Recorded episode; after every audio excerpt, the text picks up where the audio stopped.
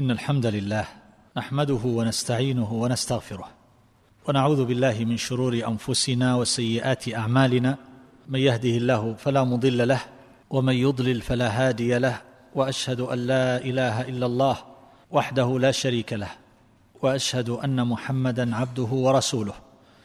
صلى الله وسلم وبارك عليه وعلى آله وصحبه أجمعين. أما بعد فسلام الله عليكم ورحمته وبركاته. في هذا المجلس سأبدأ الحديث بالكلام على مسألة تتصل بما ذكر في الليلة الماضية ما يتعلق بالتصرف بالألفاظ. وقد تكرر السؤال وكثر عن تركيب بعض الألفاظ في الأذكار على وزان قوله صلى الله عليه وسلم كما في حديث جويرية رضي الله تعالى عنها. لما رآها النبي صلى الله عليه وسلم وهي جالسة من أول النهار تذكر ربها ثم رجع بعدما أضحى. فقال لها ما زلت على الحال التي فارقتك عليها؟ ثم قال لها لقد قلت بعدك أربع كلمات. ثلاث مرات لو وزنت بما قلت منذ اليوم لوزنتهن. سبحان الله وبحمده عدد خلقه ورضا نفسه وزنه عرشه ومداد كلماته. هذه جاءت في سبحان الله وبحمده. السؤال الذي يرد هل لنا أن نقول مثلا لا إله إلا الله عدد خلقه ورضا نفسه وزينة عرشه ومداد كلماته؟ هل لنا أن نقول مثلا الله أكبر عدد خلقه ورضا نفسه وزينة عرشه ومداد كلماته؟ هل لنا أن نقول ذلك؟ أقول لو نظرنا إلى الروايات والأحاديث الصحيحة في هذه الجزئية لوجدنا فيها غنية. فمن ذلك ما جاء في بعض ألفاظه كما عند مسلم سبحان الله عدد خلقه سبحان الله رضا نفسه سبحان الله زينة عرشه سبحان الله مداد كلماته. وفي زيادة قال والحمد لله كذلك. فهنا سبحان الله. وفي هذه الرواية الحمد لله. يعني الحمد لله عدد خلقه ورضا نفسه وزينة عرشه ومداد كلماته يكون هذا من الوارد عن النبي صلى الله عليه وسلم. وفي رواية سبحان الله وبحمده. ولا إله إلا الله. والله أكبر. عدد خلقه ورضا نفسه وزينة عرشه ومداد كلماته.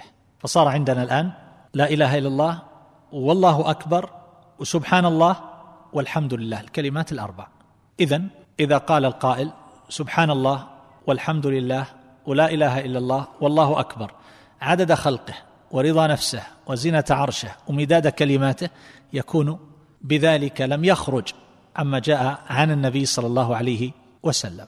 وإنما تدور أسئلة السائلين عن مثل هذا. قل لنا هل لنا أن نقول هذا التسبيح والتكبير والتهليل والتحميد بهذه الطريقة وكذلك أيضا قال صلى الله عليه وسلم. كما في حديث أبي أمامة رضي الله عنه لما رآه النبي صلى الله عليه وسلم وهو يحرك شفتيه قال بأي شيء تحرك شفتيك يا أبا أمامة؟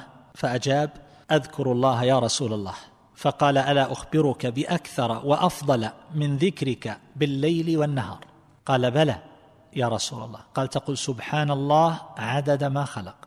سبحان الله ملء ما خلق. سبحان الله عدد ما في الأرض. سبحان الله ملء ما في الأرض والسماء.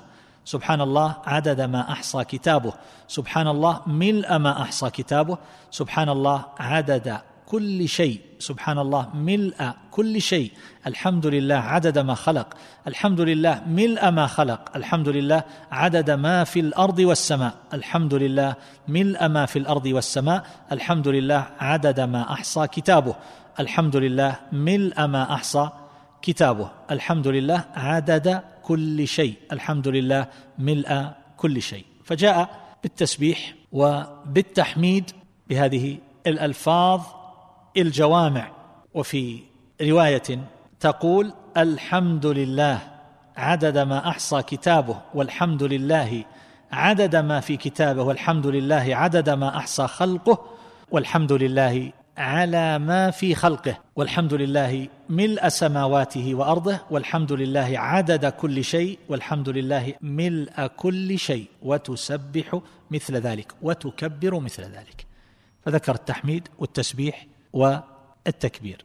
وأيضا في حديث سعد بن أبي وقاص رضي الله تعالى عنه أن اعرابيا قال للنبي صلى الله عليه وسلم علمني دعاء لعل الله أن ينفعني به. قال قل اللهم لك الحمد كله وإليك يرجع الأمر كله. كذلك أيضا في حديث سلمان رضي الله عنه أن النبي صلى الله عليه وسلم قال قال رجل الحمد لله كثيرا فأعظمها الملك أن يكتبها. يعني ماذا يكتب؟ فراجع فيها ربه عز وجل. قال ماذا أكتب؟ فقال اكتبها كما قال عبدي كثيرا. وفي حديث أبي سعيد أن النبي صلى الله عليه وسلم قال إذا قال العبد الحمد لله كثيرا قال الله تعالى اكتبوا لعبدي رحمتي كثيرا.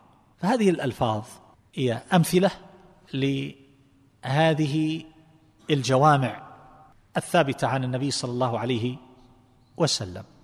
فيمكن للعبد أن يقول ذلك. لا بأس أن يقول الإنسان سبحان الله والحمد لله ولا إله إلا الله والله أكبر عدد خلقه ورضا نفسه وزنه عرشه ومداد كلماته.